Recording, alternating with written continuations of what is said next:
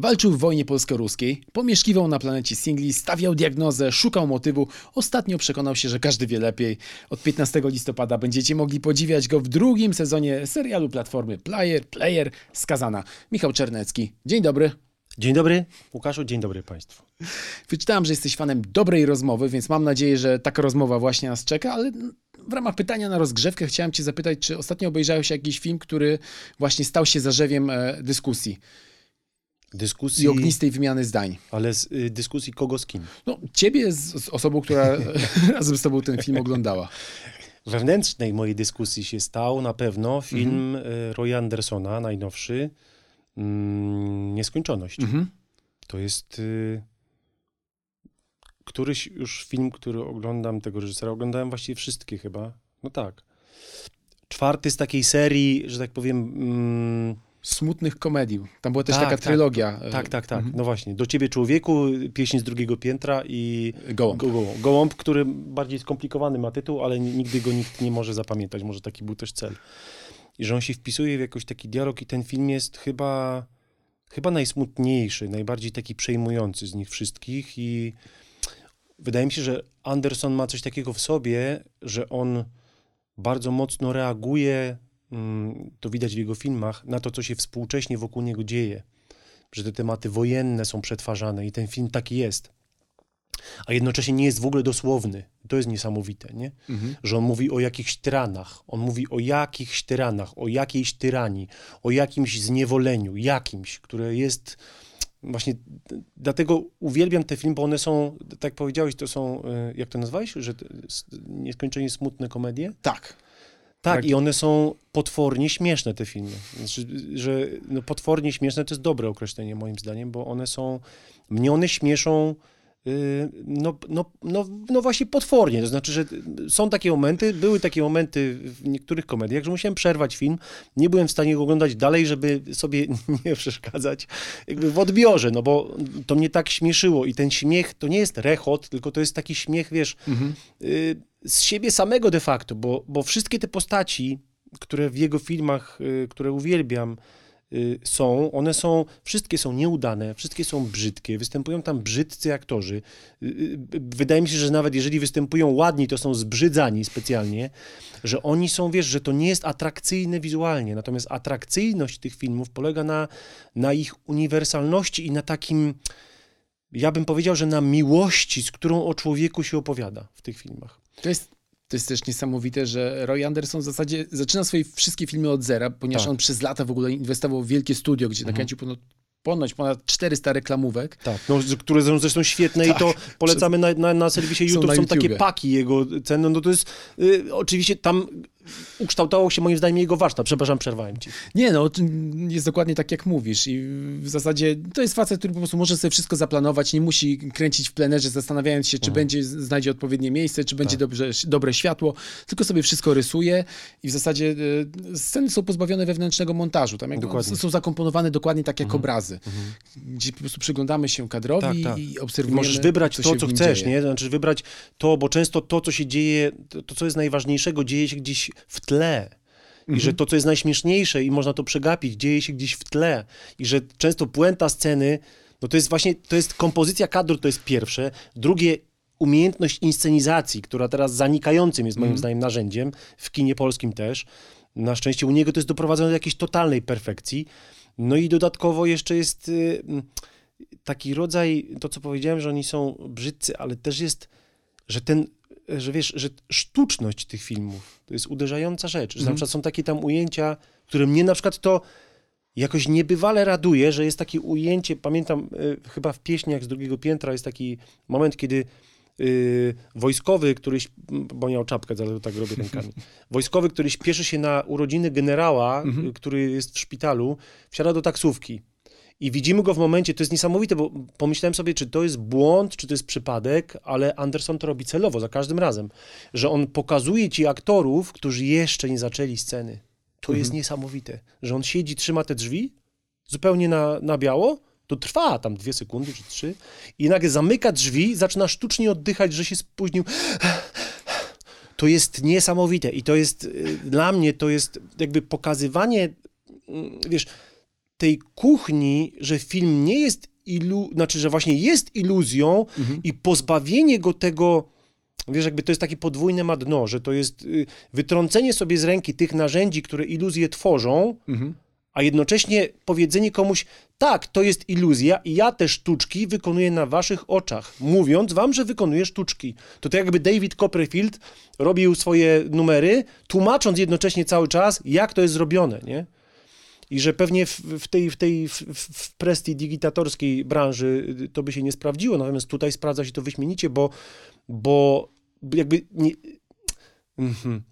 No to jest to samo, co dla mnie jest na przykład, dla mnie teatr powstaje w przestrzeni metafory. Nie? Mhm. To znaczy teatr, jeżeli jest w przestrzeni, próbuje mi ktoś serwować teatr w przestrzeni dosłowności, to mnie to nie interesuje, bo, bo ja się czuję bezpieczny jako widz wtedy.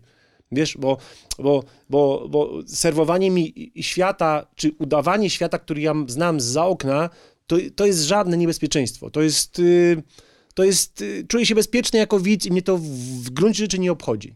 Natomiast jeżeli ktoś serwuje mi świat, który wydarza się w mojej wyobraźni, to to jest y, najbardziej niebezpieczna z możliwych gier, nie? To znaczy, jeżeli facet wyciąga, no, prosty przykład, jeżeli facet wyciąga na scenie pistolet i strze- próbuje strzelić do drugiego albo tam celuje w niego, to jest dla mnie oczywiste, że nic się więcej nie wydarzy, nie? Bo przecież aktor y, Lichota, czerneckiego aktora nie zastrzeli, no bo przecież zdaje sobie sprawę, że jestem w teatrze. Ale kiedy Lichota e, Lech wyciąga dwa palce i celuje do Czerneckiego, to moja wyobraźnia, po Jezu, on go zastrzeli. Naprawdę. Naprawdę w tej przestrzeni teatralnej znaczy zupełnie coś innego niż naprawdę w życiu. Nie? Mhm. To Tadeusz Kowzan o tym pisał, że znak w teatrze, to znaczy, że butelka postawiona na scenie, gdybyśmy teraz wyszli z kadru i zostawili tutaj ten dzbanek, to on już nie będzie dzbankiem, przedmiotem użytkowym, tylko będzie znakiem dzbanka. Będzie coś znaczyło to, to znaczy, gdybyśmy stąd wyszli teraz i zostałby ten sam dzbanek, gdybyś na niego patrzył, to byś sobie tak, a, czeka na kogoś, a, ktoś już wypił trochę tej wody. Że wiesz, że on więcej znaczyć zaczyna, niż Jasne. tylko znaczy jako przedmiot użytkowy. I że wydaje mi się, że u Andersona to jest y, właśnie, że on te lekcje odrobił. Nie wiem, czy czytał Kowzana akurat, ale, ale wydaje się, jakby czytał. Wielcy ludzie myślą podobnie. Mhm. Kiedy myślę sobie o twoim aktorstwie, także aktorstwie komediowym, to ono mi się w jakiś sposób rymuje w ogóle z kinem Roya Andersona, bo ty lubisz taki humor z kamienną twarzą. Nie jesteś typem e, komedianta, e, który będzie próbował używać slapsticku, tylko raczej odgrywasz na poważnie coś, co w połączeniu z okolicznościami na, nagle staje się zabawne. I ten chyba rodzaj humoru lubisz na ekranie. No tak, uwielbiam, bo to jest, wiesz, tam u tego Roya Andersona tam naprawdę, tak naprawdę no, nie ma tam żartów, nie? Tam nie ma żartów, to wszystko jest na poważnie. Tylko, że to jest potwornie śmieszne. W zestawieniu to jest często tak groteskowo potworne, że zaczyna być śmieszne, nie? Że, że, są, że są jakieś takie momenty, pamiętam, że taki był, pamiętasz, taki było, że, że nakłania taki, taki prestidigitator, taki, taki przegrany w jakiejś takiej spelunie występujący jakiegoś dziadka tam namawia, żeby oni, oni go tam na siłę sprowadzają i on ma złe przeczucia, które oczywiście się potwierdzają, bo jest pierwszy ruch piłą i on zaczyna krzyczeć i jest Tak, koniec tak, sceny. I że wiesz, na przykład niesamowite to jest to, że w tych filmach y, te postaci właśnie nie są slapstickowe, nie są komediowe, bo tam nikt na to nie reaguje. Albo jedna z moich ulubionych scen z Do Ciebie Człowieku, że y, taki facet jedzie w korku i mówi, że miał taki sen, że był na jakiejś takiej imprezie rodzinnej, na której stało jakieś bezcenne porcelany stały na stole i on postanowił zrobić sztuczkę z obrusem. Nie wie, dlaczego mu to przyszło do głowy, bo jeszcze nigdy tego nie robił. No i tutaj wchodzisz do sceny, w której na stole stoi bezcenna zastawa, on przygotowuje się, robiąc jakieś zupełnie absurdalne ruchy. Ty wiesz, że on nigdy tego nie robił i wiesz już od razu, jak na to patrzysz, że to się nie uda, nie ma takiej możliwości. Ten stół ma 12 metrów i że nie ma takiej możliwości, to będzie to jakaś totalna katastrofa. Wszystkie te postaci, które stoją, nie ruszają się w ogóle, oni to przyglądają się temu i cały czas ktoś mówi, ta zestawa, ta zastawa jest bezcenna, ma ponad 500 lat. I że w końcu on wykonuje tę sztuczkę, oczywiście zrzuca wszystko razem z, z, z, no, ze wszy- wszystkim, co jest na stole, wszystko to jest tłuczone. Po, poza tym na stole ukazują się dwie gigantyczne swastyki.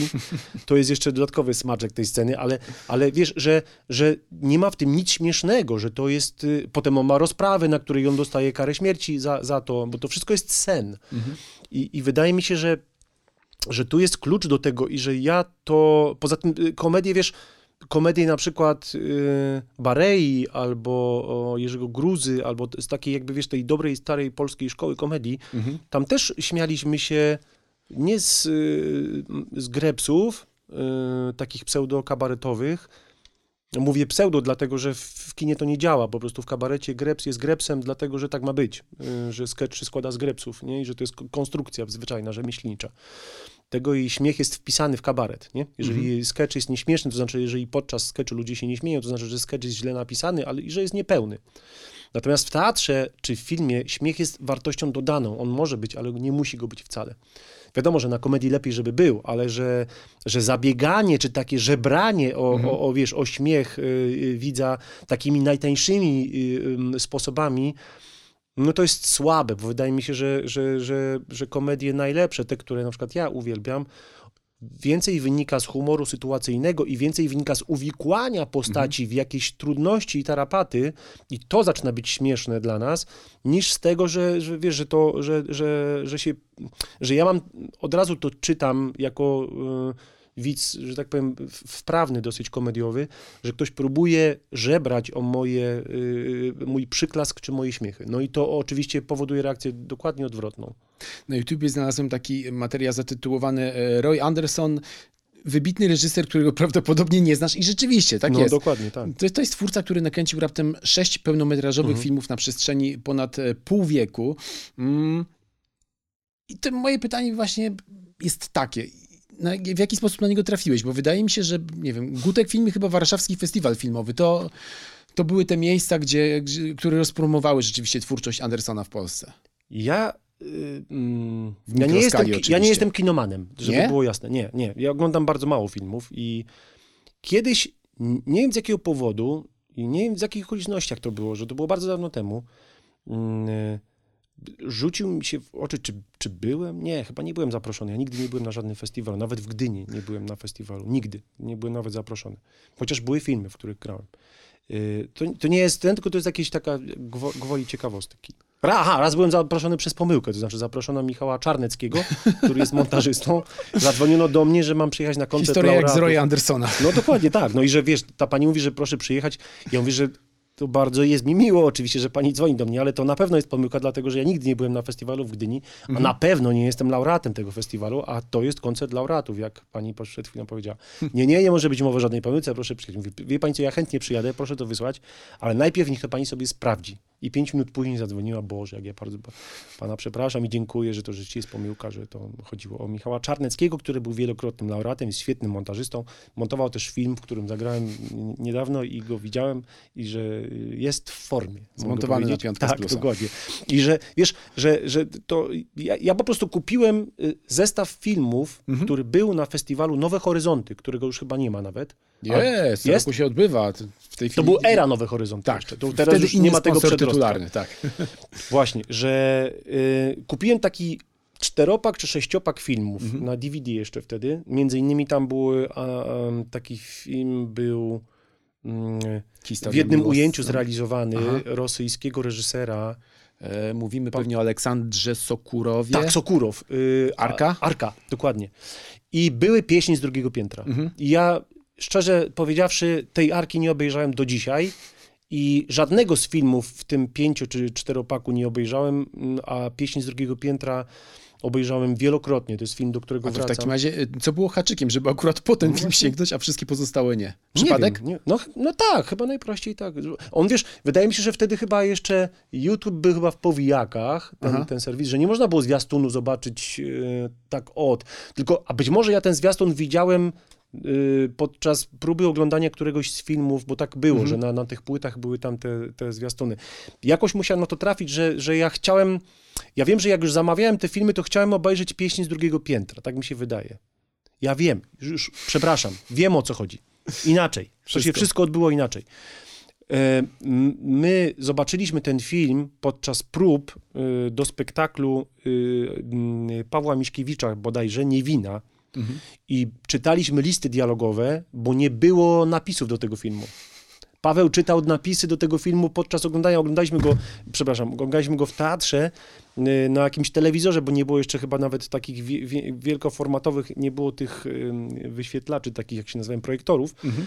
I oglądaliśmy go gdzieś w teatrze, w jakiejś sali i Paweł czytał dialogi z listy dialogowej, którą miał wydrukowaną na papierze.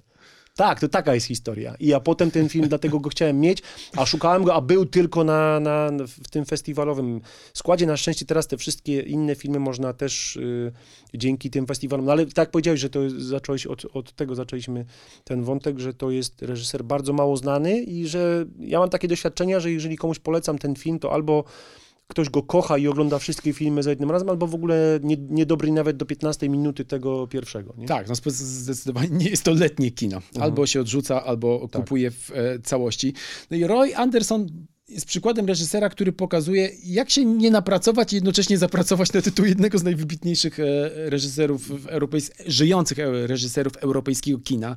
Tak jak wspomnieliśmy, on ma w sumie łącznie sześć pełnometrażowych filmów, ale miał też spory okres przerwy, bo nakręcił swój pierwszy film, Historia Miłosna, który był wielkim przebojem i kasowym, i krytycznym. Potem nakręcił drugi film, e, nakręcony wielkimi środkami, zdjęcia były wydłużone, ponieważ Anderson cały czas go dopracowywał, no i klapa na całej linii. I potem na 25 lat w ogóle zniknął mhm. z kina. I w ogóle rozważał, czy wrócić, kręcił e, reklamy i z tego się utrzymywał. I ciekawi mnie, czy w twoim życiu był też taki być może moment, kiedy stwierdziłeś, ach, rzucam w cholerę to aktorstwo, na co mi to? Mhm. Tu się napracowałem, a jeszcze mnie krytykują. Był y, taki moment, nawet nie, że krytykują, tylko y, nic z tego nie wynika. Nie? Mhm. Miałem takie, y, takie poczucie, że. E, no i ja mam dość taką, y, wydaje mi się, prostą konstrukcję. Jestem prostą skonstruowanym człowiekiem. I pomyślałem sobie, że jeżeli próbuję, używam wszystkich możliwych środków i nic z tego nie wychodzi, to trzeba zmienić. To może to nie jest to po prostu. Mhm. Może to nie jest mimo tego, że robię to, bo, bo wiesz, miałem chyba szansę, żeby, tego chyba nigdy nie powiedziałem sobie na głos, miałem chyba szansę, żeby zacząć to robić inaczej, to co robiłem. Mhm. Ale nie chciałem tego robić inaczej. Pomyślałem sobie, że albo to będę robił tak, jak ja uważam, że to się powinno robić, albo nie będę robił tego w ogóle. I miałem taki moment, że rzeczywiście rozważałem y, odejście z zawodu, to znaczy przebranżowienie się i nie wiem, tam myślałem o jakiejś takiej sprzedażowej y, bo to najbliżej jakoś było temu, co, co pomyślałem sobie, że te Chciałeś umiejętności... zostać handlowcem? Tak. Że te umiejętności, które miałem, te mhm. interpersonalne, wiesz, takie jakby tam prezentowanie samego siebie, jakiś rodzaj y, y, oczywiście sztucznej y, pewności siebie, wygenerowanej jakoś zawodowo, mógłby się tam przydać. Byłem już po słowie, yy, yy, sprzedawałbym takie części samochodowe, jakieś tarcze do, tarcze hamulcowe. Dobrej zresztą jakości. Byłaby dobra kasa pewnie z tego. Pewnie tak, tylko jakoś pojawiła się, wiesz, wydaje mi się, że większość rzeczy w, w moim yy, życiu wydarza się wtedy najfajniejszych, kiedy przestałem oczekiwać, że się wydarzą. Mhm. Kiedy zrezygnowałem z zabiegania o nie. I to było chyba tak samo, że wtedy, kiedy zrezygnowałem z zabiegania o, o, o, ten, o ten zawód y, w całości, to się zaczęło wydarzać y, coś takiego. Poza tym jeszcze w międzyczasie od y, pani Małgosi Adamskiej usłyszałem takie zdanie, które mi też zostało w głowie na całe życie. To już bardzo wiele lat temu zostało powiedziane. Ona po którymś z castingów, którego zresztą nie wygrałem, powiedziała mi, że gdybyś nawet miał czekać na swoją kolej 20 lat albo więcej, to nic nie zmieniaj w tym, co robisz. I to mi dało do myślenia, bo ja już sam w ten sposób myślałem i jeszcze osoba, którą darzyłem i darzę ciągle, jest dla mnie autorytetem po prostu, darzyłem dużym zaufaniem takim zawodowym, powiedziała mi to, co ja sam słyszałem we własnych myślach i pomyślałem sobie, że to nie może być przypadek i, i że to plus rozmowa z tym handlowcem nałożyło się na to, że postanowiłem e, pozostać w tym zawodzie. O tym właśnie takiej filozofii życiowej traktuje drugi film, o którym będziemy rozmawiać, e, którego to plakat znajduje się na ścianie, czyli Forrest Gump. E, na widok plakatu stwierdziłeś twój ukochany film, tak. absolutnie. Pamiętasz pierwszy seans? Pamiętam. Nie pamiętam, gdzie to było. To było w jakiejś... Byłem na wakacjach. Mm. W jakiejś małej mieścinie to było. I że pamiętam, że wyszedłem z kina i płakałem. Szedłem i płakałem przez bardzo długi czas. Że to był nie pamiętam w ogóle, nie pamiętam, co się ze mną działo. Działy się ze mną, targały mną sprzeczne różne emocje, ale naj, naj, chyba najważniejszą, że obcowałeś z czymś tak pięknym, mhm. z czymś tak y, prostym, pięknym, pięknie zagranym, pięknie sfilmowanym, że wszystkie te, y, y wiesz, te takie mm, mrugnięcia oka, umieszczanie Toma Hanksa w tych archiwalnych mhm. materiałach, które było wtedy przecież tak naprawdę wydarzeniem, bo to nie dało się tego zrobić. Nikt tego nie zrobił tak dobrze. Kompu komputerowa technika na to dopiero wtedy pozwalała pewnie, albo nawet nie komputerowa, tylko jakaś wizualna, bo się na tym nie znam. Natomiast to wszystko było tylko dodatkiem do przepięknej ludzkiej opowieści, nie? Którą, to jest taki everyman naszych czasów. Nie? Mhm. I że myślę sobie, że wtedy każdy, kto piastował w głowie sobie jakieś proste takie myśli albo trzymał się czegoś przez lata, tak jak Forrest się trzyma tych takich może trzech czy czterech zdań, tak Mhm. naprawdę na całe swoje życie, które, które się okazywało, że się sprawdzały jakoś i że, że finalnie wychodziło na jego e, i pewnego rodzaju takiej, takiej wiesz, y, naiwnej wiary w ludzi i w dobro, em, no to jest jakoś, mnie to ciągle porusza, bo zobaczyłem ten syn z moimi, e, sen, syn, zobaczyłem ten film z moimi synami, bo to chciałem powiedzieć, i że ten film się w ogóle nie zestarzał, moim zdaniem. Znaczy wiadomo, że wizualnie mm, teraz pewnie e- efekty wizualne są, możliwe są du, du- dużo bardziej, wiesz, karkołomne rzeczy Mhm. można po- pokazać dzięki komputerom, ale chyba mało ogląda się takich historii, tak pięknie skonstruowanych scenariuszy, tak pięknie mm, opowiedzianych ludzkich historii, bo przecież to jest historia zupełnie zmyślona, a jednocześnie masz takie przeświadczenie, że znasz tego człowieka, nie? że znasz go, być może nawet nie znasz go na zewnątrz, tylko znasz go w sobie, że być może w każdym z nas jest taki Siedzi Forest, który, mały nie? Forest. No. Mały Forest, nie? Któremu ktoś powiedział kiedyś biegnij, Forest, biegnij, że, że, że, że wiesz, że to, mm, no, to ładnie powiedziałeś, no, że w każdym z nas właśnie jest taki mały Forest i, i myślę, że ten film dlatego tak e, jakoś mocno na mnie wtedy podziałał i dalej działa, bo ja płaczę, najbardziej poruszająca dla mnie scena jest, kiedy on na końcu pyta, czy jego syn jest mądry.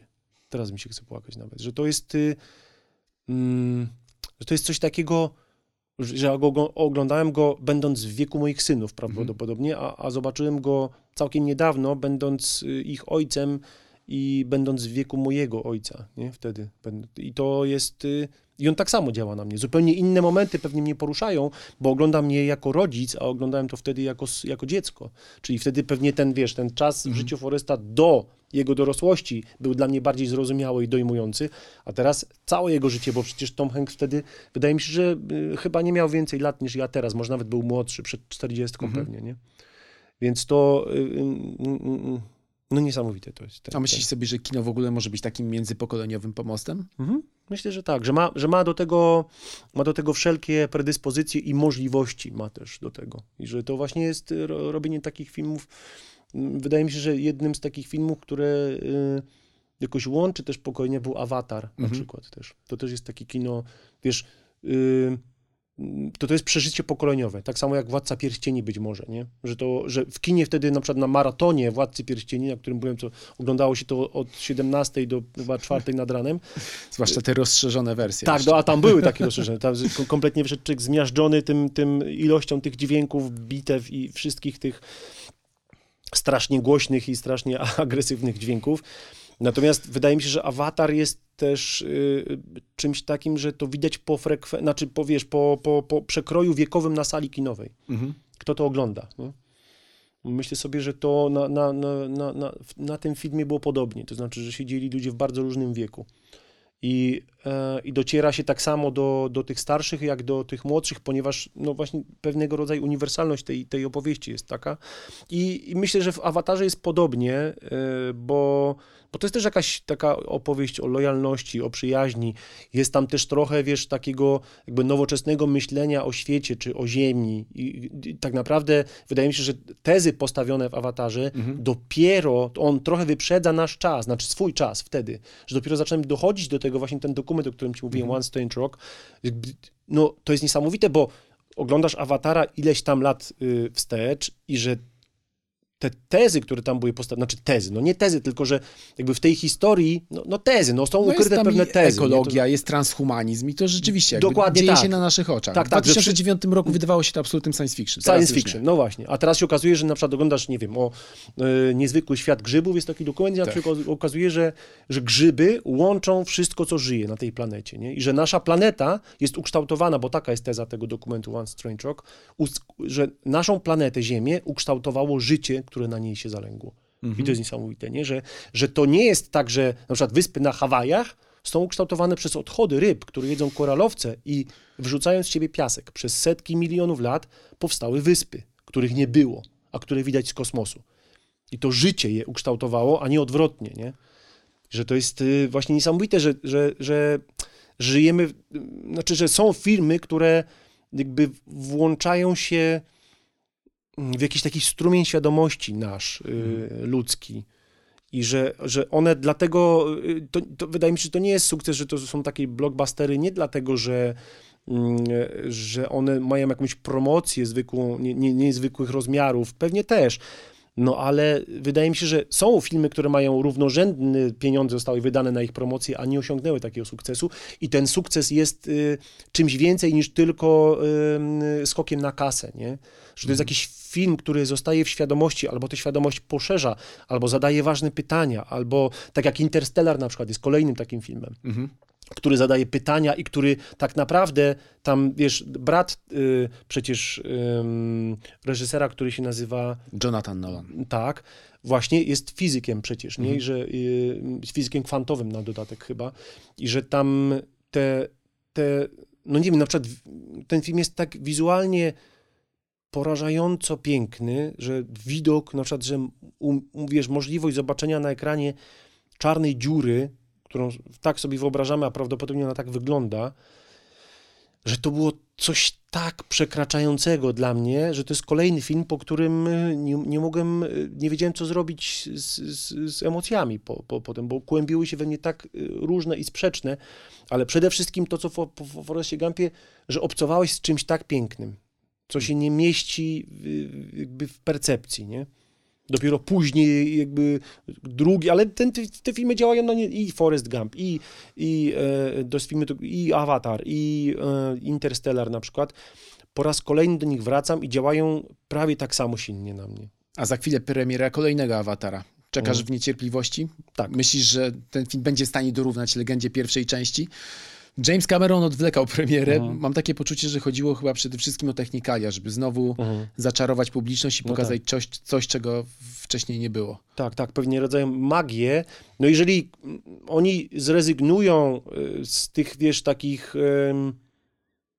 bo nie wiemy tego przecież, jeżeli oni zrezygnują z opowiadania tej historii takiej właśnie blisko człowieka, czy też y, jakby z tego dyskursu po, postanowią się wypisać na rzecz kina akcji, no to będzie to porażka moim zdaniem. I że bę- będę żałował, że to oglądałem. Ale nie sądzę, żeby tak było, bo, bo myślę sobie, że jeżeli pierwszą część skonstruowano w taki sposób, to, no to amerykańskie kino raczej wyciąga wnioski z tego, e, co jest dobre i co, wiesz, co zostaje w świadomości, no, nawet z, z takich, wiesz, z najprostszych e, merkantylnych powodów po prostu, że to się sprzedało, więc to ja bym w to szedł na ich miejscu. Co jest w ogóle ciekawe, oni już w ogóle nakręcili dwie części i teraz kręcą czwartą, a w planach jest jeszcze piąta. To nie wiedziałem. Więc czeka nas wielka rodzinna saga. Ale skoro tak rozmawiamy sobie trochę o, o, o kinie i o świecie technologii, nie wiem, czy słyszałeś o tym, że e, były takie pogłoski, iż Bruce Willis podobno sprzedał prawa do swojego wizerunku w firmie zajmującym się, zajmującej się tworzeniem cyfrowych wizerunków.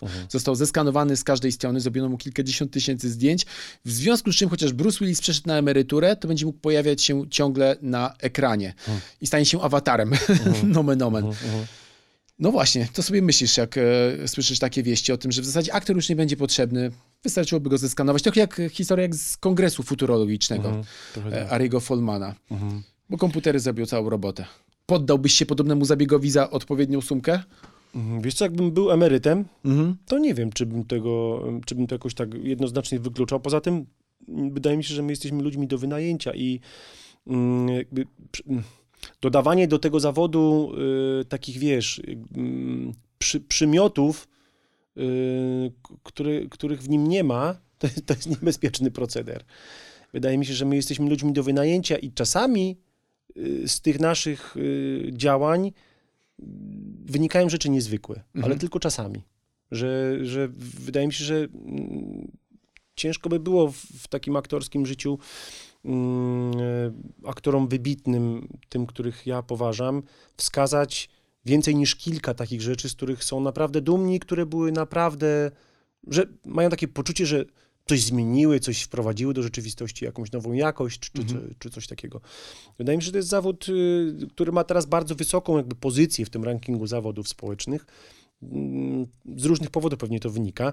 Natomiast ja bym go nie przeceniał. My jesteśmy specjalistami od iluzji i być może ta iluzja y, w tych czasach teraz dobrze się sprzedaje, mamy to szczęście, no bo ja jestem tego beneficjentem, więc nie będę tam na to Mhm. sarkał, że to, że to jest źle.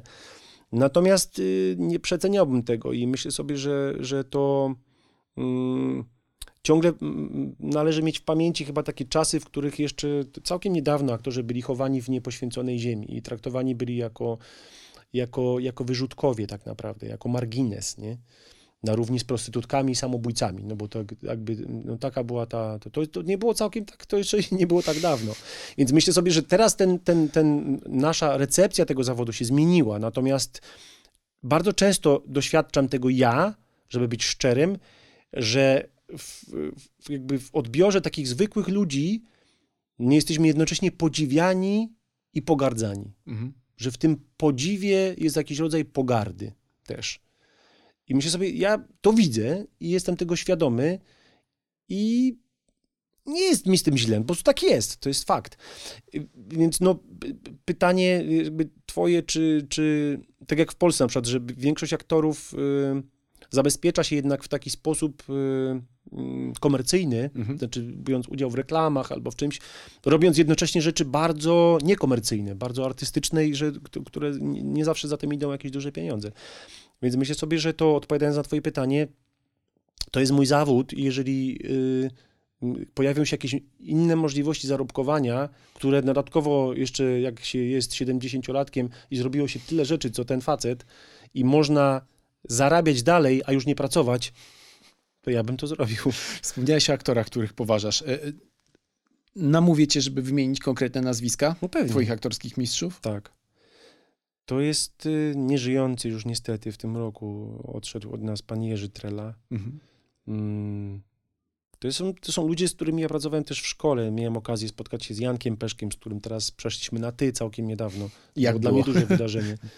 Mm, y, On tego nie robił wydarzenia, ale dla mnie to jest duże wydarzenie. Przejście na ty z kimś, kogo uważam za autorytet taki i trochę outsidera. Rozmawialiśmy też o tym, że on też trochę był na marginesie tego środowiska i dalej jest chyba, że wszyscy go poważają, że jest ten, ale tak naprawdę y, to jest Jan Peszek. To Mhm. jest osobna firma.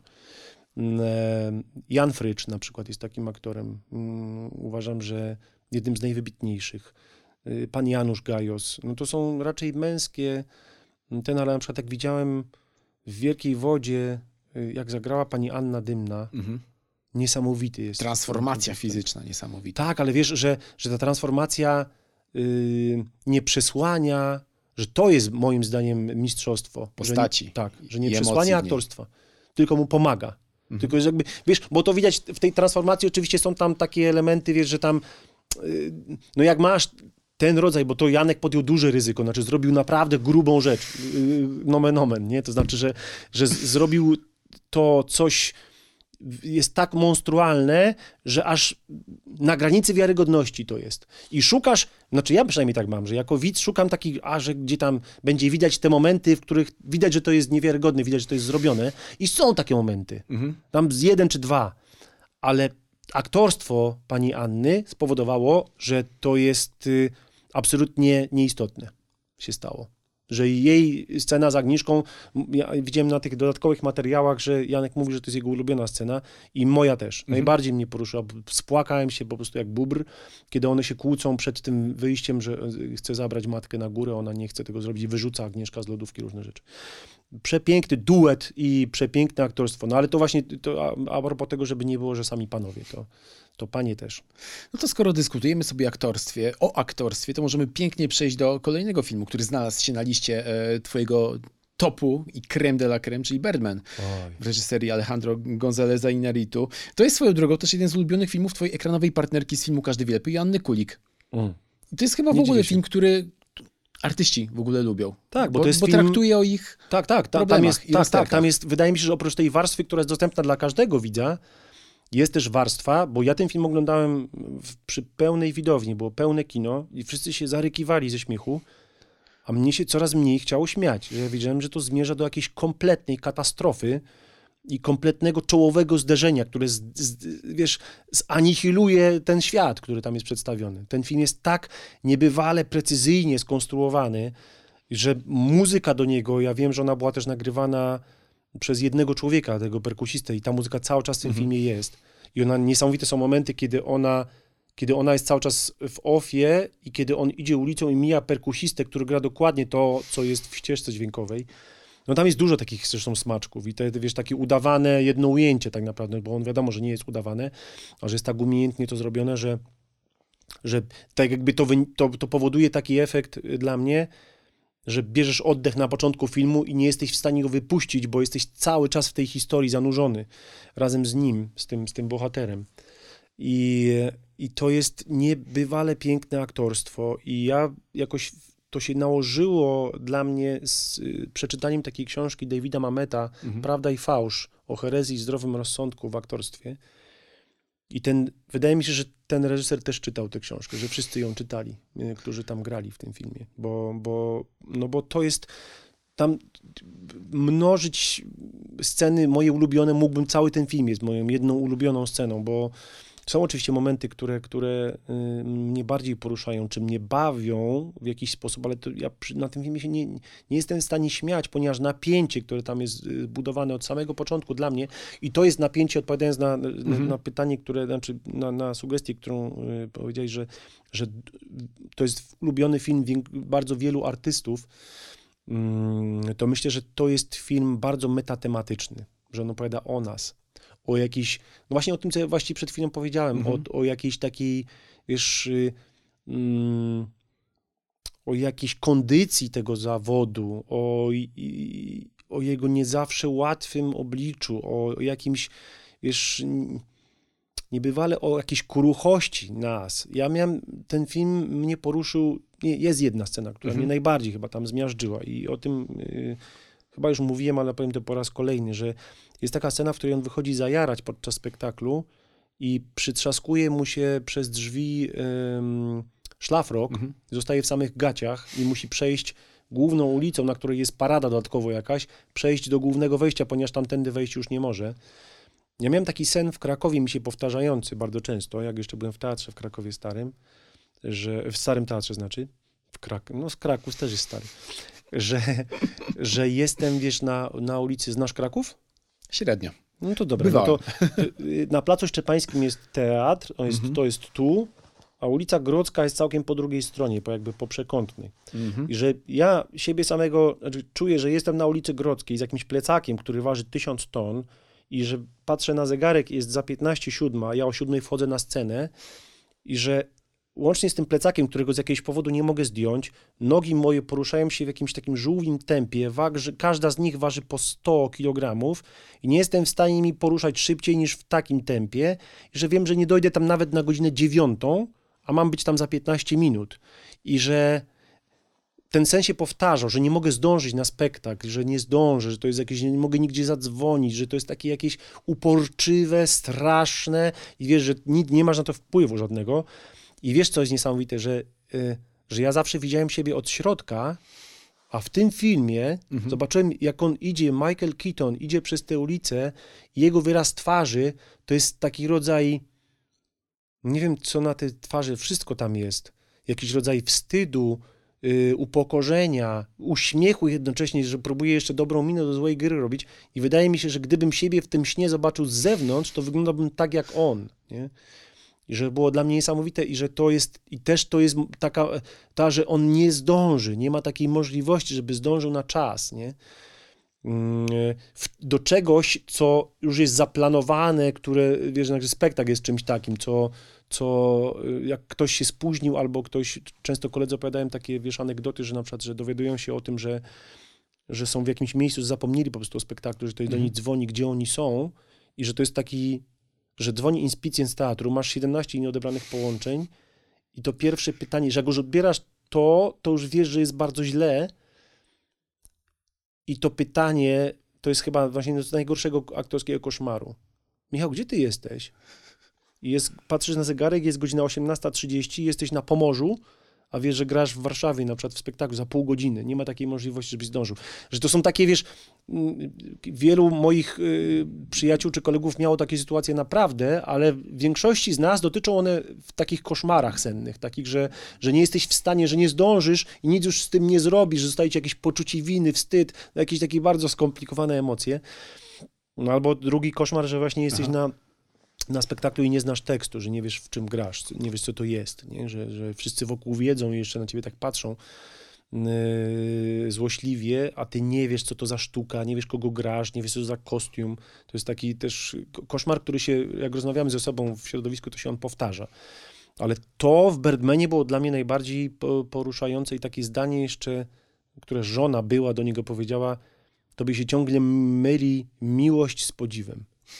Kurczę, to jest gęsia skórka i to też jest bardzo, wydaje mi się, w tym, w tym, w tym naszym zawodzie mm, częste. I Ja też tego doświadczyłem, y, w sensie bardzo boleśnie na, na własnej skórze, że mnie się też myliła miłość z podziwem. Ten, ten scenariusz jest bardzo bezlitośnie napisany, znaczy, jeżeli można powiedzieć, że bardzo bezlitośnie, że jest bezlitosny po prostu dla, dla aktorów i że wydaje mi się, że tę bezlitosność my, aktorzy, bo aktorzy myślę, że to ba- bardziej chyba chodzi o nas, może też reżyserzy, że my ją odbieramy bardziej do, bardziej do, do wiesz, do, dotkliwie, nas dotyczy ten film niż y, laików, nie? którzy nigdy w tym zawodzie nie... Bo ja rozmawiałem też z osobami, moja żona też oglądała ten film i że, ym, że on jest oczywiście poruszający, ale to zupełnie w inne miejsca trafia Jasne. do kogoś, bo wydaje mi się, że ten film zrobili właśnie rasowi aktorzy, no, że Edward Norton, że pojedynek tych dwóch aktorów to jest po prostu coś tak nieprawdopodobnie pięknego i tyle mówi. W każdej scenie tak naprawdę ten film można by wyświetlać w szkołach teatralnych, zatrzymywać co 5 minut i omawiać, co tam się właśnie wydarzyło i wiele by się z tego można było nauczyć, może więcej niż przez 4 lata szkoły. No właśnie. E, oglądając ten film, człowiek zastanawia się, czy w głowie każdego artysty siedzi taka potrzeba, żeby jednak zbudować sobie ten pomnik e, trwalszy od Spiżu. Masz poczucie, czy w tobie też kiedyś była taka myśl, być może dalej siedzi, że masz poczucie, że, że to, co tworzysz pracując w teatrze, e, czy w kinie jest w jakiś sposób pomnikiem, pozostawiasz po sobie. Czy to przetrwa? Nie, Czy nie mam. wyzbyłeś się już tego rodzaju myśli? Ja chyba nigdy takiego nie Okej. miałem czegoś. Że, bo to chyba, wiesz, wynika nawet nie z tego, że ja idę pod prąd i wszyscy chcą, a ja to nie chcę, tylko mnie co innego w ogóle w tym zawodzie kręci, mnie co innego bawi. Znaczy mnie ten, wszystko co jest przed i po jest tylko dodatkiem, koniecznym oczywiście i czasami jest bardzo miłym, a czasami jest niemiłym. No jeżeli ktoś, nie wiem, grasz na przykład jakąś postać, która komuś nie przypadnie do gustu, czy na przykład jest to jakiś y, czarny charakter i ludzie ci plują pod nogi, bo A bywało tak? u mnie nie, ale u kolegów tak bywało, nie? Że, to, że to jest, y, że ludziom się często też zaciera różnica pomiędzy ilu- iluzją a, a, a, a- a prawdziwym, prywatnym naszym życiem, nie? Że to jest, że jakby nas sklejają z tym. To dobrze, jak się sklejają z kimś pozytywnym, a ja mam takie doświadczenia raczej, bo te postaci takie właśnie były, albo żeby jacyś, tak jak w wojnie polsko-rosyjskiej, jakieś kompletnie odklejone od rzeczywistości, a- ale jednak tam to jest, y, to, no ale wiesz, no, mnie się tak zrobiło, że na przykład przez jakiś czas mi mówiono, że reżyserzy nie zapraszają mnie na castingi, bo się mnie boją.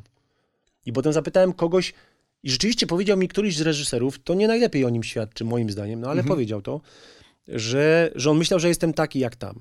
No to po planecie singli wszyscy powinni No, no, no więc walić właśnie, do ciebie drzwiami i absurd, oknami, nie? bo tam zagrałeś z kolei postać No do tak, rany No przyłóż. właśnie, o to chodzi. Że to jest, wiesz, no, myślę sobie, że to, że to o jakimś rodzaju opanowania tego rzemiosła świadczy to, jak, jak się o, trochę oddalisz i spojrzysz szerzej, że ktoś wiarygodny jest i w tym, i w tym, nie? No to myślę, że to, to jest okej, do tego ja zmierzam. Do tego jakaś interdyscyplinarność tego zawodu, do tego dołączyłem jeszcze kabaret, że jest dla mnie że to mnie cieszy, tylko wiesz, właśnie do, do, do, dokończając, od, dokończając od, od na, na, na twoje pytanie, że, mm, że mnie cieszy, mm, jest taki cytat z takiego filmu, który też bardzo lubię zresztą, Mhm. e, i już reżysera wspomnieliśmy, Batman, Mroczny rycerz, rycerz powstaje. Nie, mroczny, Mroczny mroczny, rycerz. ry, rycerz po prostu. Mhm. Tam, Potem y, była druga część Mroczny Rycerz powstaje. Heath Ledger tam grał. Ledger, tak. To, No to. Mroczny Rycerz jako Joker. To właśnie. Ledger. No i on właśnie jest autorem, znaczy nie on, tylko właśnie Joker, że jego najbardziej bawi, to jest najbardziej wstrząsająca chyba y, kwestia tej, tej postaci, że on jest tak nieprzewidywalny, bo jego najbardziej bawi ten że on lubi proste rzeczy, benzynę, coś tam, coś tam, i że go bawi to, że on biega za tymi samochodami i, Jak i je pies. goni, jak Mhm. dziki pies, nie? I że ja mam coś podobnego w tym zawodzie, że mnie to ganianie, że w, w, w gruncie rzeczy mnie interesuje to, co jest po trzecim dzwonku i ym, do końca się dzieje i pomiędzy tym, że jak ktoś mówi kamera, akcja i do stop. I to Mhm. mnie najbardziej cieszy w tym zawodzie. Wszystko inne ja traktuję jako y, konieczną i ja sobie zdaję sprawę z tego, że czasami jest bardzo sympatyczne. Te premiery są sympatyczne, że ktoś coś miłego tam powie, ale ja się do tego specjalnie nie przywiązuję, bo, bo mi to nie jest potrzebne do niczego. Znaczy, że, że wiesz, ta satysfakcja z tego, jak się zrobi dobrą scenę, to jest to właśnie, to się zawiera wszystko w minie Edwarda Nortona w tym filmie, kiedy on mówi, zostaw ten tekst, krzycz do mnie, mów do mnie i on w końcu rzuca ten egzemplarz, tam na niego nakrzyczał i on robi taką minę. Ale z drugiej strony, To jest właśnie to, nie? Że ma, jeżeli ja mam spotkanie z kimś prawdziwe na, na, na, na scenie, czy to też, wiesz, czy to w filmie, po, po tej komendzie y, akcja, wydarza nam się coś, czego nie przewidzieliśmy, że ta scena zaprowadziła nas w zupełnie inne miejsce niż sobie założyliśmy, albo resztę sobie założył i jest taki, wiesz, ktoś mówi stop i jest taki moment ciszy, właśnie takiej jak teraz była i to jest to jest to, po co i dlaczego ja ten zawód wykonuję. To jest właśnie to.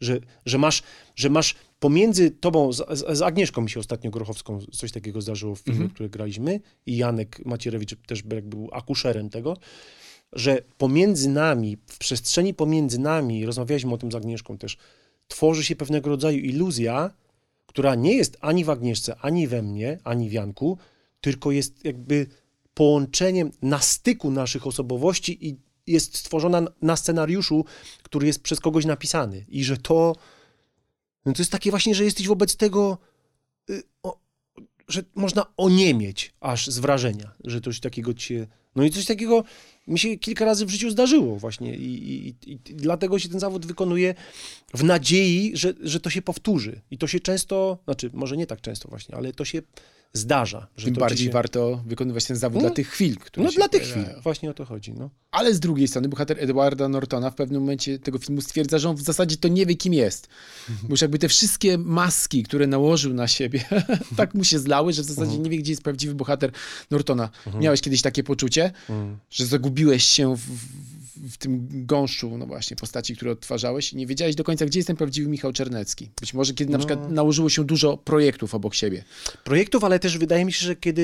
y, y, Bo niektóre projekty są takie, że one cię jakoś fascynują, że cię wciągają, że tam jest coś, to zwykle się dzieje wtedy, kiedy masz coś, że one poruszają jakieś wrażliwe struny w tobie samym i że dużo z siebie dajesz do tego projektu. Często nawet takich półprywatnych rzeczy. Wiadomo, że tworzymy iluzję, ale ta iluzja częst, częstokroć jest tak przylegająca, że ciężko ją odkleić od siebie.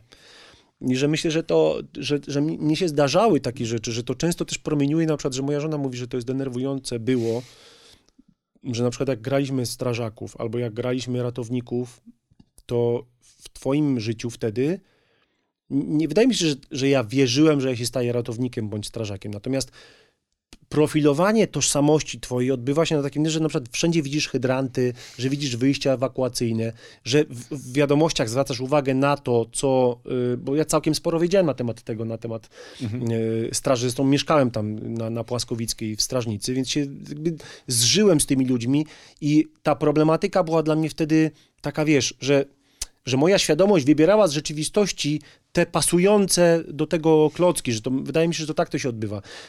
Jakby graliśmy ratowników górskich było podobnie, że słuchaliśmy cały czas tych historii, że się zacząłem wspinać i to wiesz, było prywatne, bo mnie to sprawiało oczywiście radość i przyjemność, natomiast było też na temat trochę tego świata i tej iluzji, którą tam budowaliśmy. No bo wydaje mi się, że, że, że im. Ja nie traktuję tego w ten sposób, że ja się na ten czas muszę stać ratownikiem górskim, bo to jest przecież absurdalne. No to jakby wtedy przy każdym projekcie byś lądował w wariatkowie, bo, no bo byś się z tym sklejał. Ale ja to w ten sposób traktuję, że moim obowiązkiem wobec reżysera, wobec partnerów też moich jest jakby zwiększenie pola, w ten sposób to chyba określę, pola informacji i pola skojarzeń na ten temat, żeby mógł efektywnie pracować podczas tego projektu. Jeżeli potrzeba będzie improwizacji, to masz materiał do tego, żeby to zrobić, nie? I, I myślę sobie, tak samo jest, nie wiem, jakbyś grał, y, jakby było w wojnie polsko-ruskiej, po- po- drugą część by robili, to myślę sobie, że coś takiego jest, że mm, wtedy starałbym się zwiększyć jakby mm, pole, szukałbyś, to co akurat u Doroty Masłowskiej tego nie trzeba było robić, ponieważ ten, ten świat był tam opisany perfekcyjnie, że my tego się dobrze bawiliśmy po prostu podczas tego. Natomiast, y, wiesz, w doborze ciuchów, w doborze strojów, w doborze sposobu poruszania się, no to była nasza inwencja, nie? I że tutaj trzeba było podpatrywać i, i też zwiększyć, jakby, no, skierować swoją świadomość, czy strumień swojej świadomości na rzeczy, które bym nigdy nie skierował, no bo co mi obchodzą, wiesz, jakby tego rodzaju ludzie. Ja nie jestem tego rodzaju człowiekiem i nie mam mm, wśród y, swoich znajomych takich ludzi, że mnie to środowisko w ogóle nie interesuje, nie? Że nie, nie, nie... Natomiast siłą rzeczy muszę wtedy wybierać z rzeczywistości, jakby stroić się troszkę na tę częstotliwość, bo w ten sposób, może jak CB Radio, nie? Czyli stroję na, tą często, na tę częstotliwość na czas realizacji tego projektu. Więc myślę sobie, że to że to bywa y, y, zawód niebezpieczny o tyle, że dla naszych domowników i dla naszych, wiesz, jakby bliskim nam osób, że to może być uciążliwość pewna. Ale myślę, że wtedy ona nie jest uciążliwością, kiedy ja o tym wiem, że tak będzie i te osoby też są jakoś w stanie się na to przygotować. Aha, że to jest tego rodzaju projekt, więc prawdopodobnie się tak sprofiluje, że nie będziemy o czym innym gadać, tylko na przykład o hydrantach i, i wejściach ewakuacyjnych i o tym, y, jak się podaje wodę z renówki, a jak się z mana podaje, nie? I że to jest takie... y, I że wtedy zaczynasz też używać tych neologizmów, na przykład, że jest przedział bojowy, że jest coś tam, że, że, że zadysponujesz siłę i środki, że to jest, wiesz, zostaje to w świadomości, teraz to są tylko takie jakby, wiesz, takie, takie klocki, które są tam porozrzucane, ale których mógłbym użyć ponownie, gdyby zaszła taka potrzeba, bo w tym y, y, brałem udział. I że to nigdy nie polegało mi na tożsamości czy sklejeniu się z tym, tylko że jakby, no właśnie to pole informacyjne musisz zwiększyć kilkukrotnie, żeby być y, wiarygodnym i żeby być lepszym, no, lepszym materiałem do pracy dla reżysera i dla twoich partnerów w przypadku na przykład konieczności improwizacji. W filmie Birdman pojawia się wątek córki granej przez Emma Stone, która współpracuje z ojcem e, przy jego przedstawieniu teatralnym. A ja z kolei chciałem cię podpytać, e, jak to było, kiedy pracowałeś ostatnio ze swoim synem przy filmie Każdy wie lepiej. E, Czułeś tremę? Że oto jakby no, wprowadzasz swoją latorośl w świat kina i musisz też dobrze wypaść, być przewodnikiem po tym świecie. trochę mm, przewodnikiem. Ja sobie za bardzo bawiłem do serca, że muszę być przewodnikiem i to wiesz, no, ciężko było rozdzielić na początku te, te dwie role, to znaczy partnera mm, i ojca. Ojca takiego, który się troszczy, który się troszczy o to, czy coś jadłeś, czy piłeś wodę, czy coś tam, czy nie jesteś zmęczony, czy chcesz coś. I że wiesz, no po dwóch dniach chyba zapytałem Piotrka, czy ja nie przesadzam przypadkiem. No i oczywiście się dowiedziałem, że przesadzam. I trochę odpuściłem y, w związku z tym, ale y, mi Piotr powiedział chyba któregoś dnia, trzeciego czy czwartego, y, że, że to jest dla niego taka komfortowa sytuacja, że, że on mnie może poprosić o radę i że on tę radę sobie weźmie do serca. I to jakoś było dla mnie bardzo ważne, y, co powiedział, a poza tym poczułem się też bezpiecznie z tym, że nie muszę, wiesz, nie muszę na niego wywierać żadnej presji, ani nie muszę tam go dopytywać, ponieważ jak on będzie potrzebował, to sam zapyta. A on nie potrzebował tak naprawdę, on był gotowy i, i, i- ten film właściwie sam. I że często mnie i siebie samego moim zdaniem zaskakiwał też, y, jak trafne na przykład przychodziły mu rzeczy do głowy z improwizacji w sumie, bo też korzystaliśmy z tego narzędzia bardzo często. I one wchodziły do, do, do wiesz, no na, na premierze na przykład y, y, kwestia jego autorstwa rozbawiła siedmioosobową salę. Zapytałem go, jakie to uczucie, czy to jest miłe. I co powiedział? Że niesamowite, no. Że rozbawić... No, wtedy byliśmy na premierze, na której też byłeś i tych sal było więcej. I myślę, że jednorazowo rozbawić kilka tysięcy osób, nie boimy się tego słowa, to jest duża sprawa. I że to jest, to jest jego autorstwa i to jest jego pomysł. I to y, włączone zostało do filmu, y, bo Michał to usłyszał i, i, i nie było tylko tak w jednej scenie. Było tak w, w, w, kilku. I dla Piotra, y, z tego co on mówi w tej chwili, przygoda z filmem się zakończyła bezpowrotnie na, tym, na tym jednym na tym jednym y, projekcie. I myślę, że to jest, y, że jakieś takie niesamowite, że, że on ma wszelkie predyspozycje, żeby to robić, ale chyba coś innego w życiu go tam zaczyna bardziej pociągać. I ma dopiero 16 lat, więc y, to wszystko się jeszcze może wydarzyć. Więc myślę, że gdyby chciał to robić, albo chciałby robić coś, co związanego jest, wiesz, z, z ekspresją jakąś siebie, to, to ma wszelkie predyspozycje do tego. Nie moja rola tu jest bardzo znikoma, Mhm. tylko taka, że, że byłem i że pokazywałem mu różne rzeczy, które być może go zainspirowały. Bo ja nigdy chłopców, ani Franka, ani Piotrka nie, nie pchałem w tę stronę, a oni obaj mm, jakoś tam y, w tym świecie zaistnieli, bo, bo Franek, mój starszy syn, teraz wystąpił w filmie tam, cały ten seks, który będzie Mhm. miał premierę pewnie na, na walentynkę i, i też miał jakoś, że po prostu przyszedł na casting. Ja im, jedyne, co zrobiłem dla nich w, tym, w, tej, wiesz, w tej materii, to jest udostępniłem im, jakby umożliwiłem im wzięcie udziału w castingu, a resztę zrobili sami. Bo ja i Piotrka castingu ym, przecież nie oceniałem i że nie ja decydowałem o tym, czy on będzie w tym filmie grał, czy nie. Tak samo było w przypadku Franka, że, że mm, zaproponowałem y, Tomkowi Mandesowi, żeby go y, ten, i że on po prostu przyszedł i zrobił furorę tam tym, kim on jest, nie tym, że jest moim synem. Bo, bo myślę sobie, że, że gdyby on przyszedł tam zupełnie anonimowo, co byłoby trudne, bo ten casting był, wiesz, taki jakby wewnętrzny, nie? że niewiele osób o tym wiedziało. Yy, Nazwiska Czernecki z Czarnecki już nikt nie pomyli. Mam nadzieję, że to jest. Jeżeli, jeżeli jakiś sukces w moim życiu miałby mieć miejsce, taki, o którym mówiłeś, wiekopomny taki pomnik ze Spiżu, to taki, żeby nikt tego nazwiska nie przekręcał. Nie? No bo to by było już dużo, moim zdaniem, bo, bo, bo cały czas się to zdarza i że to nawet, nawet dostałem ostatnio scenariusz jakiegoś serialu i ten znak wodny tam na scenariuszu jest napisany i wszędzie jest napisane Czarnecki. I że na przykład najbardziej absurdalne przekręcenie chyba było u Kuby Wojewódzkiego, że Mhm. Maciej, Maciej Czarnecki, że na kanapie u Kuby dzisiaj. To nawet dziś chyba nawet y, woli tam ciekawości można to zobaczyć, bo to nawet chyba się zarejestrowało. I jeszcze raz w kabaretach ktoś przekręcił na tych takich, ym, na, wiesz, na garderobach mamy takie, że tam Aha. para nienormalni i Maciej Czerski. Także że myślę, że to jest, wiesz co, że to, że, że to by był naprawdę sukces ym, taki, żeby się tego nie dało pomylić. E, e, no a, a, a, a, a propos moich dzieci, to sobie myślę, że oni mają, oni są po prostu bardzo fajnymi ludźmi, ciekawymi y, ludźmi, bardzo wrażliwymi, ponadprzeciętnie.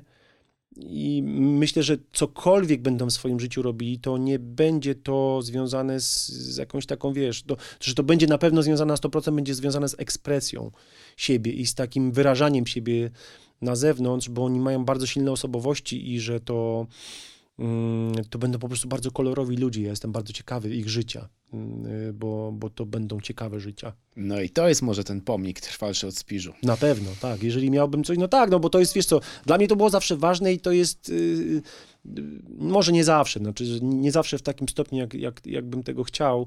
Teraz się staram to nadrabiać i wydaje mi się, że wychodzi mi całkiem nieźle. Yy, powrót do, do, do, do na łono rodziny i nadrabianie tego straconego, ale nie bezpowrotnie czasu. I myślę sobie, że te nasze relacje... Yy, myślałem, że, że nie mam, przez wiele lat myślałem, że nie mam nim nic do, do zaoferowania, a teraz myślę, że mam. I że to niekoniecznie jest to, co związane z moim zawodem, tylko z, z tym, kim jestem i jakim jestem człowiekiem. I że jeżeli oni będą chcieli coś z tego wziąć, to wezmą, a myślę, że, że wezmą mniej lub więcej, ale coś sobie ode mnie będą mogli wziąć. I, i nie, nie wiesz, nie wymyślam im życia i nie, nie wyśniłem im żadnej drogi że jestem ich wiernym kibicem i jestem z, z tyłu na wypadek, gdyby coś im się noga powinęła, to ich tam podtrzymam, ale nigdy nie jestem przed nimi, nigdy ich nie ciągnę za rękę, ani nie, nie oni sami wybierają i wydaje mi się, że to, to, to stworzy bardzo silne osobowości i bardzo fajnych ludzi, taki rodzaj wychowania. No i w ten sposób pięknie przechodzimy do ostatniego filmu, który znalazł się na twojej liście. Wszystko nam się idealnie dzisiaj klei.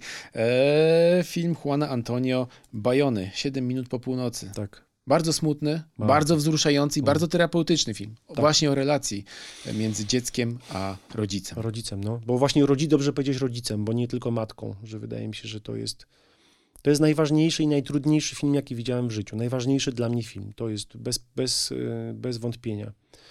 Mm, to, to z kolei było tak, że ja widziałem ten zwiastun gdzieś w ogóle, wiesz, na YouTubie pewnie przy okazji czegoś i rozpłakałem się już na zwiastunie, bo tam była taka, taki, fragment takiej jednej z moich najbardziej ulubionych, naj, najulubieńszych scen, takiej, której mówi, że chłopiec, że był sobie chłopiec, który był niewidzialny i pewnego dnia chciał przestać być niewidzialny i wezwał potwora. I um, ja mam ciarki.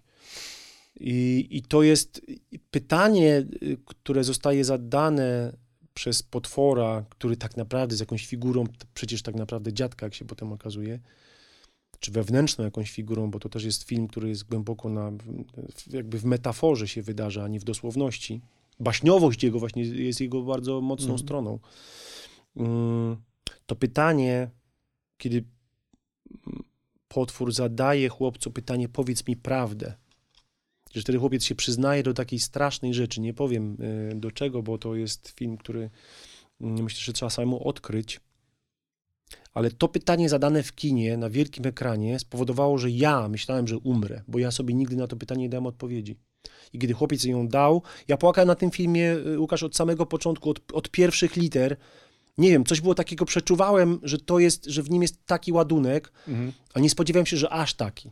Że to jest tak, y, tak wstrząsająco, wiesz, precyzyjnie skonstruowana, że ona cię wiedzie na takim sznurku, bardzo wąską ścieżką do tego jednego pytania, którego sobie nigdy nie zadałeś. I że jeżeli, wydaje mi się, że jeżeli ktoś sobie to pytanie zadał, albo ktoś miał świadomość tego, że w takim momencie odchodzenia rodzica, bo ja tego też doświadczyłem, że masz w sobie dwa sprzeczne wektory, które nawzajem się wykluczają i które są tak straszne, że nie można ich dopuścić do świadomości, kiedy ma się tam lat naście, no to myślę, że ten film Mm, wtedy działa y, piorunująco. Ja ten film oglądałem za każdym razem, działa tak samo. Oglądałem 10 albo 15 razy. Mm, I on, y, teraz mam nawet ciarki, jak sobie przypomnę, wiesz, tam są kilka rzeczy, znaczy, ta, ta, co, co, kurczę, co scena są takie rzeczy, no, na przykład jest taki moment, kiedy, kiedy y, Geraldine Chaplin gra nauczycielkę i ten chłopiec mówi, że nie ukaracie mnie za to i ona po angielsku to brzmi jeszcze lepiej, bo ona mówi what could possibly be the point? że to nawet nie, że, że, że nie ukaramy cię, czy tylko jaki to w ogóle miało być, mieć sens, żeby cię karać w tej sytuacji, nie? I że to jest bardzo uwalniające, też kolejne zdanie. A, a, a zabawną rzeczą a propos tego filmu jest to, że ja sięgnąłem po książkę Patricka mhm. Nessa o tym samym tytule i książka jest płaska jak naleśnik. Książka nie oddaje nawet jednej setnej tego, co jest w tym filmie, bo na przykład w książce, jeżeli, jeżeli pewnie oglądałeś, chłopiec w ogóle nie rysuje. Mhm.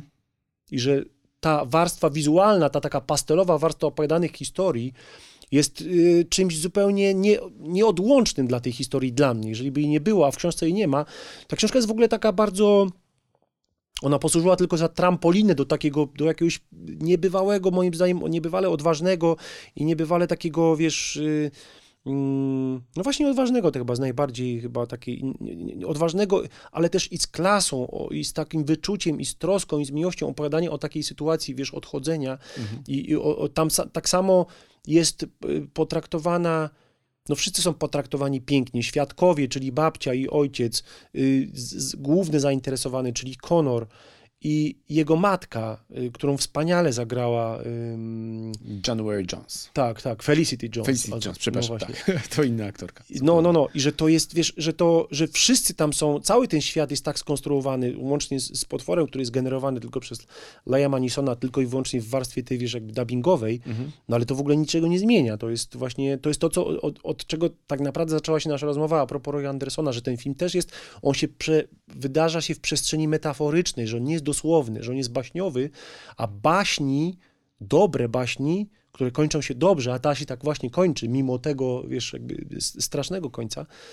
to jest coś, co jest. Y, a, a mnie i w tym kontekście mnie jakoś strasznie to jakoś poczułem dużo goryczy w sobie. Miałem, że ten film został tak kompletnie pominięty, nie? W takim festiwalowym, jakimś nagrodowym rozdaniu, że nagrodzone w tym roku, w którym on miał premierę, zostały tak banalne, tak jakieś zupełnie, wiesz, nie, niepotrzebne do niczego, nikomu filmy, a ten film jest tak, no być może właśnie to, że, że on jest po prostu trudny, że, że, że z nim się trzeba zmierzyć. To nie jest film na, na, na miłe popołudnie, że to jest film, który cię zgniata i który naprawdę, bo powiedziałeś o terapeutycznym jakby jego wymiarze i, i myślę, że to jest bardzo rzadko taka sytuacja, że można tak powiedzieć o czymś, co zostało stworzone właściwie dla rozrywki. A ten film tutaj rozrywki jest tyle, co kot napłakał. Znaczy on jest, wiesz, on jest piękny wizualnie, że oglądanie go jest piękne, tylko że właśnie że to, co, to, co mówiłem o takiej ścieżce wąskiej, po której ten reżyser cię prowadzi z żelazną konsekwencją, on cię prowadzi w pułapkę, nie? W pułapkę tego pytania. Że to jest niesamowite było dla mnie to, że ktoś mnie tak zwabił w tak piękny sposób i w tak ten, w pułapkę, która tak naprawdę jest, wiesz, odpowiedź czy ulga po tym, co ten chłopiec odpowiada, że było w nim i to, i to, no, że to jest po prostu, to, no, to jest ten efekt, o którym się mówiło w, w, wiesz, w, w tej greckich tragediach i w greckim teatrze o efekcie Katarzis. katarzis, no. Mhm. Że to jest to, co masz w sobie, że mierzysz się z, z czymś, co wydaje ci się zupełnie nieprzekraczalne i że tego nie przeżyjesz, kiedy padnie ta odpowiedź. Ja naprawdę to czułem, że myślałem, że pęknie mi serce, że to jest, że ja nigdy sobie tego pytania nie zadałem i nigdy nie zdawałem sobie nawet sprawy z tego, że mam w sobie dwa sprzeczne wektory i że to jest okej, że tak po prostu jest. Nie? Że właśnie, że on, ten potwór mu tłumaczy czasami, że jesteśmy i tacy, i tacy, że jesteśmy piękni i straszni, że mamy w sobie, że te emocje, które są w nas, są piękne i straszne naraz, że to się może dziać jednocześnie, nie? I że to jest, y, to była wielka przygoda, oglądanie tego filmu. Za każdym razem zresztą jest i jestem bardzo wdzięczny tym, tym ludziom, którzy stworzyli, że, że, że mieli odwagę i myślę, że ten reżyser y, zmierzył się z czymś y, dla niego bardzo osobistym, bo to chyba nigdy się nie udaje bez tego. Jeżeli chcesz coś załatwić, jeżeli chcesz załatwić coś samym filmem, to nawet chyba z Bartkiem y, Konopką rozmawialiśmy o Mhm. tym, że, że on miał, się do tego przyznał, że, że jakby zamiast dotknąć tego swojego zranienia naprawdę, że chciał dotknąć go poprzez, Poprzez film, sztukę. Mhm. a to się tak nie da. Można zrobić sztukę dopiero wtedy, kiedy tego zranienia dotkniesz. I wtedy jesteś w stanie, bo wydaje mi się, że tak samo jak moja żona mówi o terapii, moja Lenka, bo jest psychologiem, że ona mówi, że, że jakby klient y, w takim, wiesz, użyciu terapeutycznym, y, psychologicznym, czy też terapeutycznym właśnie, że klient terapeuty pójdzie tylko tak daleko, jak zaszedł sam terapeuta. I wydaje mi się, że w sztuce jest podobnie. To znaczy, twój widz podąży za tobą, ale tylko do momentu, do którego ty sam miałeś odwagę dojść. Jeżeli poszedłeś dalej, to on pójdzie dalej, a jeżeli nie, to zatrzyma się na tym progu, który ciebie też zatrzymał. I że, i że wydaje mi się, że w tym filmie, y, że ten facet miał odwagę się z tym zmierzyć, bo jestem nawet tego pewien, dlatego że książka Patryka Nessa zatrzymała się Mhm. na progu, a ten facet przekroczył ten próg, który jest, y, na którym książka się zatrzymuje. I że to y, no, no, poruszające bardzo to jest dla mnie film, że taki był no, chyba najważniejszy właśnie. I ta scena była dla mnie najważniejszą sceną, jaką w ogóle widziałem w kinie. I myślę sobie, że to jest właśnie tak, że, że wtedy czujesz wdzięczność i wtedy czujesz w- wdzięczność, że jesteś świadkiem czegoś tak pięknego. Pięknego, strasznego, trudnego, bo to jest wszystko jakby naraz tam się wydarzyło, nie?